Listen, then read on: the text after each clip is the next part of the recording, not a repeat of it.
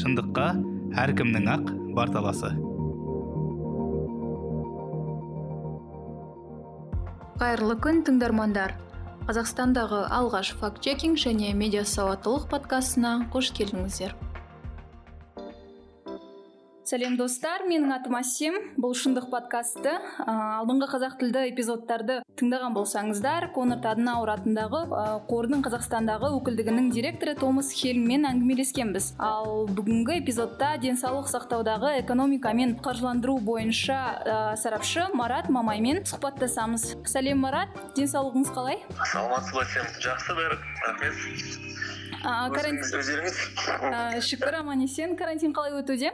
Карантин енді барша халықта өтіп жатқандай өтеді деп сенемін өзімде. Өйткені мен далаға шықпаймын. Соңғы бір жарым ай болды үйден шықпаймын. Анда санда ыыы дүкенге барып келемін болды. Бірақ енді кейде ыыы әртүрлі хабарлардан көріп жатамын.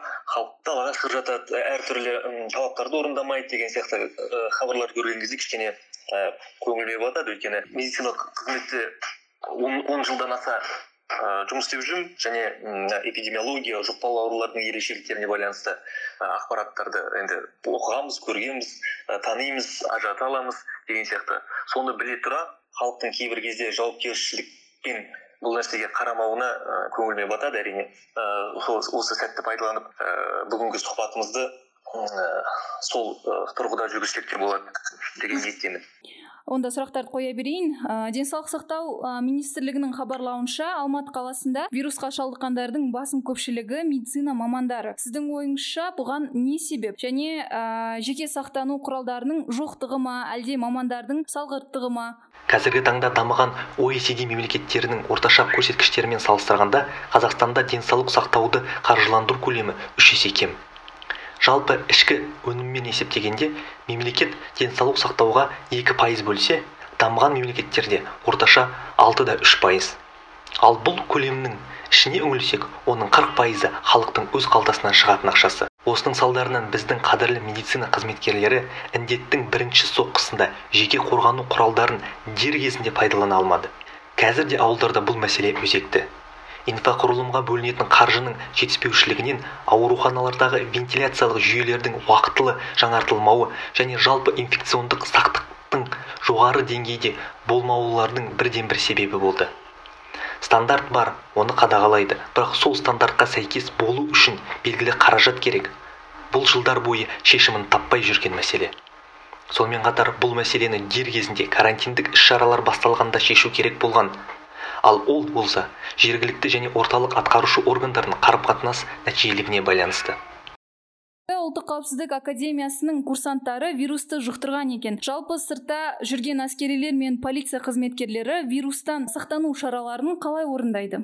Жауынгерлердің жалпы қызметін регламенттейтін құжаттар бәрімізге белгілі ол баршылық шығар енді. Біз бәріміз білмесек те ол жерде не жазылған. Бірақ менің ойымша ол жерде көптеген сұрақтар көптеген алгоритмдер көптеген инструкциялар толық жазылған деп ойлаймын. Және соған сенемін. Және тым көп жазылған деп ойлаймын кейбір жағдайда.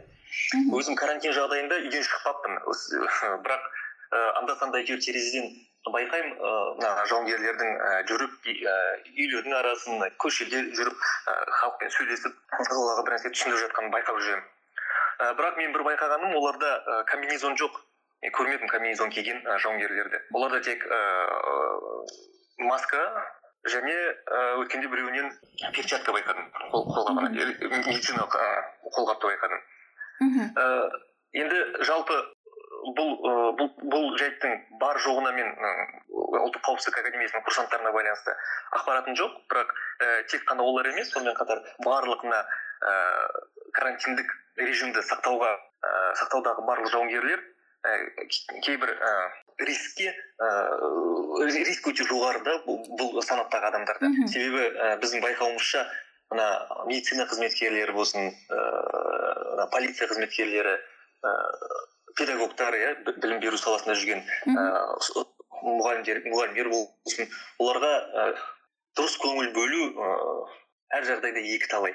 Мысалы орта, орта есеппен ыыы қарағанда қаржыландыру көлемін қарайтын болсақ адам басына шыққанда. Біздің қазақстанда ә, әр жерде тұратын адам, адамға әртүрлі қаражат бөлінеді. Алматы облысында тұратын адамдарға адам басына шаққан кезде қырық мың теңге бөлінеді жыл сайын. Енді ол ә, әртүрлі факторларға байланысты бірақ енді жалпы мына шығынға шығынмен қарайтын болсақ ә, бір адамға қырық мың теңге бөлінеді. Ал нұр сұлтан қаласында жүз алпыс мың теңге. Бұл неге байланысты? Бұл бірінші кезекте инфрақұрылымның әртүрлілігіне байланысты. Себебі ә, инфрақұрылымның әртүрлі дегеніміз не? Ол мысалға сіз ә, алматыда тұратын ә, адам бұл белгілі бір қызмет алатын болса мысалы ә, эксперттік ә, дәрежедегі узи аппаратымен қызмет алатын болса ауылдағы тұрғынға оған қол жету ыыы сан қилы да қиын оны алу. Себебі ол үшін ол қалаға бару керек деген сияқты. Сонымен қатар ііі әр кезде ала алмайды. А, марат осы сіздің жауабыңыздан менде бір сұрақ туындап тұр. Енді сіз осы қаржы саласына байланысты сарапшы болғандықтан осы сұрақты сізге қою керек деп ойлаймын. Мемлекет осы вирусқа байланысты ә, қаржы бөлінді. Сіздің ойыңызша ол барлығы өз орнымен ә, жұмсалып жатыр ма? Әлде ә, жемқорлық болуы мүмкін бе? Қалай ойлайсыз? Жемқорлықпен күрес біздің қазақстанда әртүрлі себептермен болуы мүмкін иә бәріміз білеміз. Мхм.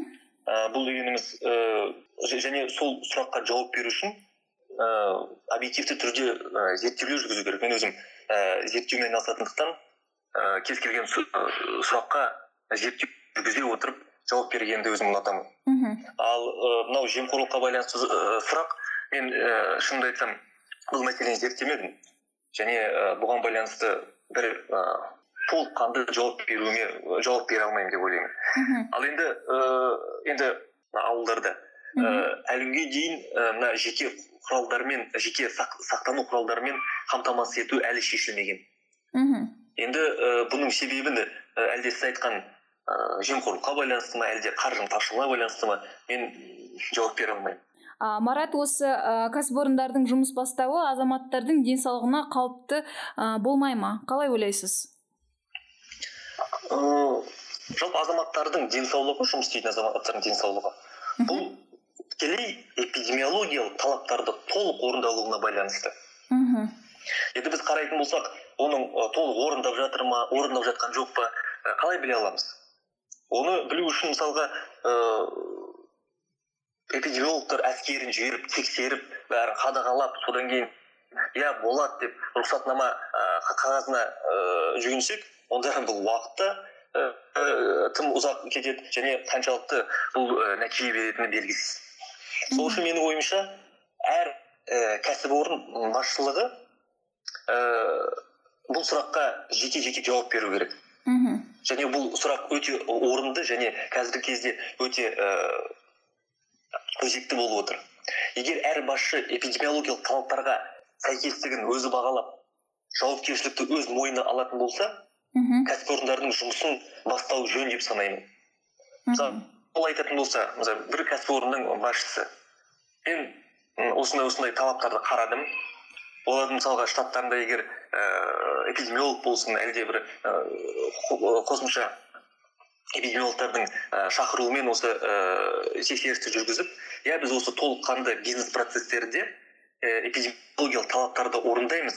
Және осыған бар ііі бар э, бизнес процесстерді толық ыыы эпидемиолог тұрғыдан ыыы дұрыс орындаймыз дейтін болса мхм онда м мына жұмысты ыыы ақырындап бірте бірте қосу ыыы кәсіпорындарды іске қосу дұрыс деп санаймын. Мхм себебі мына эпидемиологиялық мәселеден м мәселеден кейін ы біз экономикалық қиыншылықтарға душар болуымыз мүмкін.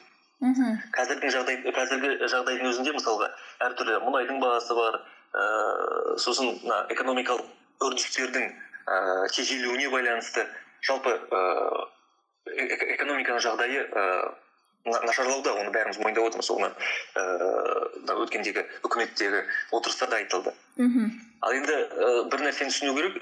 Мына коронавирустың і карантиннен кейін кейінгі экономикалық қиыншылықтар жағдайды тым нашарлатып жіберуі мүмкін. Соны да ойлау керек. Мхм және мынандай кейде бір қоғамда кейбір сұрақтар болады.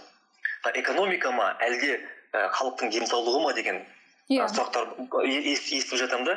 Мхм і менің ойымша бұл бұндай сұрақтар өте і орынсыз. Себебі ііі және орынсыз және ондай сұрақтардан і тым аса сақтану керек. Себебі экономика мен халық денсаулығы олар бір бірінсіз өмір сүре алмайды. Және сол екі ә, нәрсені бір ә, экономика мен халық денсаулығының жағдайын ә, толық саралап зерттеп сондай ә, оптимальды шешім қабылдау керек деп ойлаймын. Мхм. Мхм. Түсінікті. Ә, осы медициналық мамандарға психологиялық көмек көрсетіле ме? Жалпы осыған байланысты бір ә, онлайн болсын іс шаралар ә, жүргізіліп жатыр ма? Енді менің білуімше қазіргі кезде мына әртүрлі онлайн курстар өтіп жатыр. Бірақ олардың ә, басым көпшілігі ана коронавирус індетімен қалай күресу керек ә, дәрігерге арналған. Қандай ә, протокол ем, емдеу протоколдары бар және қандай ерекшеліктер бар деген курстарды мен байқап отырмын. Оған және медициналық қауымдастықтың өте көп көп қатысып жатқандар байқап отырмын. Бірақ ыыы психологиялық көмекті мен өзім естімеппін. Енді кішігірім салыстыру жасайтын болсақ ыыы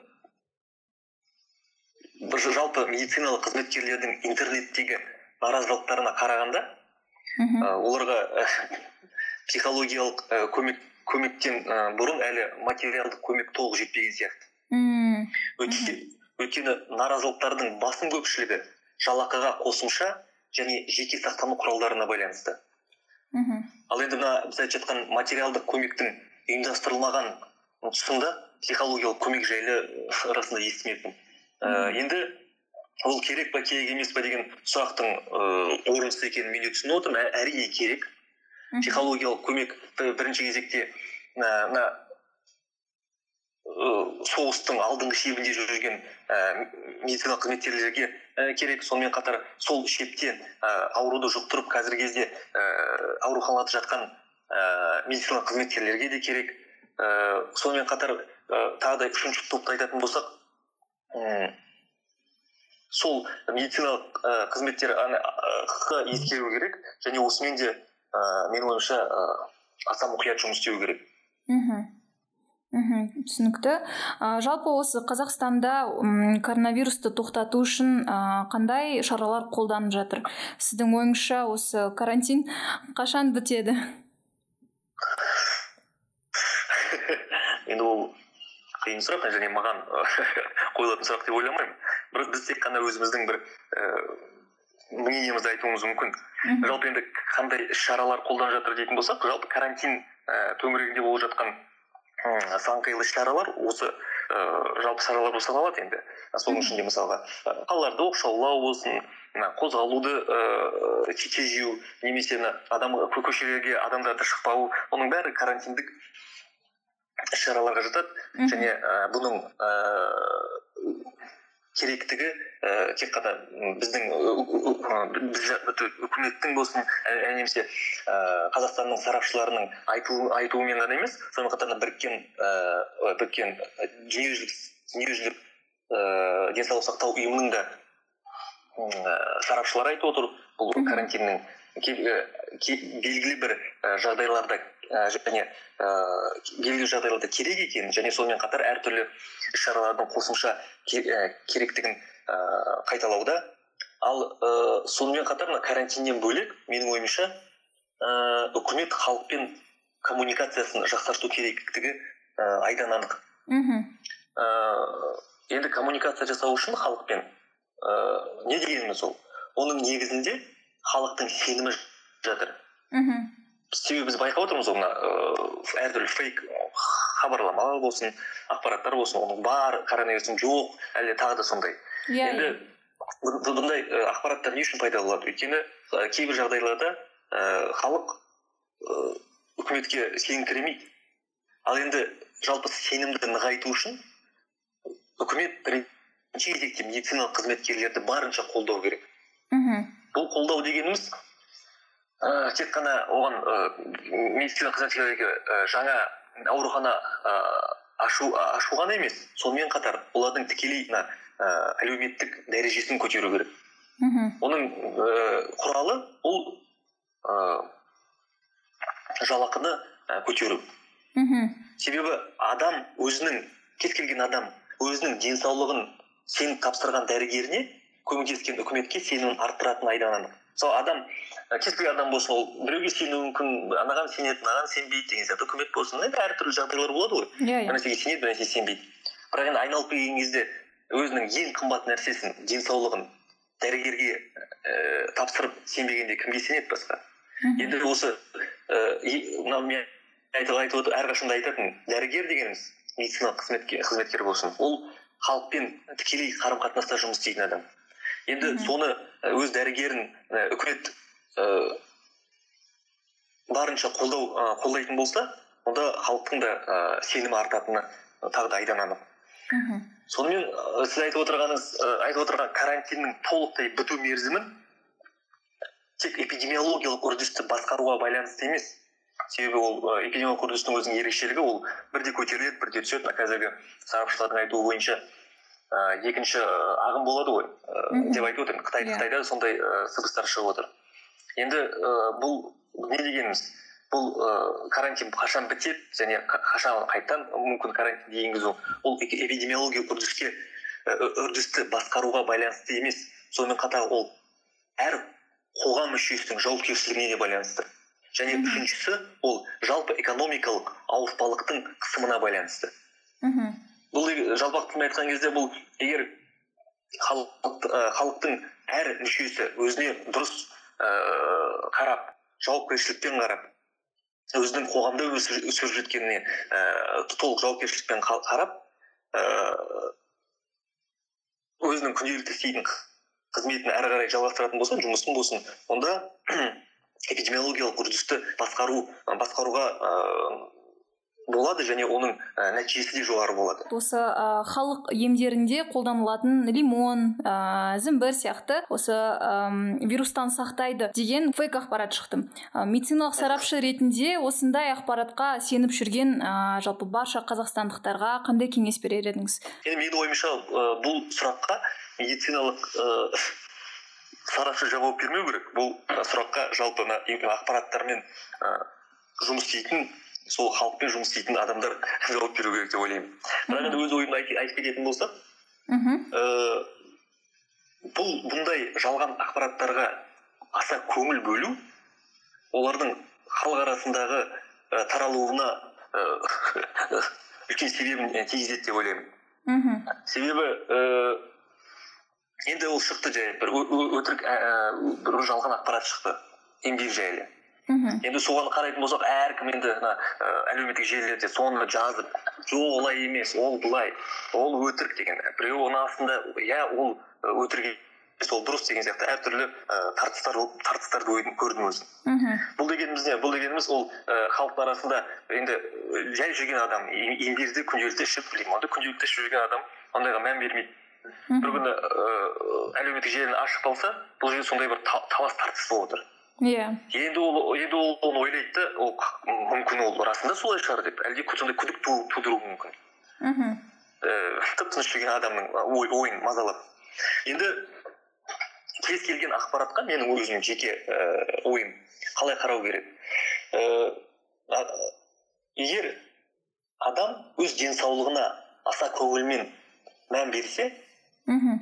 ол ол қол гигиенасы қол гигиенасымен қатар ақпараттық гигиенаға да дәл сол мән беру керек. Мхм мхм. Себебі қолдан келетін ауруды жедел айқындап оның емін табуға дәрігер болатын болса фейк вирусымен м, фейк вирусымен ауырған адамға ауруханадан дәрігер таппайсыз. Мхм. Ал, ал оның салдары тым қиын болуы мүмкін. Енді қандай ыыы шешім бар деп ойлаймын бұл енді әр адамның жеке күнделікті былай айтқан кезде привычкасы ғой. Мхм. Ы, мына күнделікті ғылыми материалды оқуға дағдылану керек деп ойлаймын. Әр адам. Ол немен айналысса да себебі ақпарат ақпараттың құндылығы оның ііі немен анықталады? Мысалы ақпараттың құндылығы. Ақпараттың құндылығы тек қана сол ақпараттың қаншалықты шындыққа жақын екенімен анықталады. Мхм. Ал ол дегеніміз ол қазіргі таңда ыыы тексерілген ғылыми материалдар болады. Енді сол ғылыми материалдарды күнделікті оқып дағдыланса адам өзі байқамай қалады қалай кез келген сұрақ туындағанда басында. Мхм қай жерден қалай сапалы әрі жетімді ақпарат алуға ыыы үйренеді? Да сонымен қатар ода ол адамда ондай мәселелер туындамайды. Имбирь болсын ол мысалға ондай мәселелер туындаса оны тек қана бір әдіс ретінде көріп қоя салу керек болды. Оған қатты, қатты мән бере бермеу керек. Мхм түсінікті. Марат сұхбатыңызға рахмет. Осындай қарбалас кезеңде уақыт тауып сұрақтарға жауап бергеніңіз үшін алғыс айтамыз. Ақпарат тыңдармандарға пайдалы болды деп ойлаймын. Қымбатты тыңдармандар осымен біздің уақыт аяқталды. Сабырлық пен сақтық шараларды орындап вирустың таралуына жол бермейік. Келесі эпизодтарда кездескенше.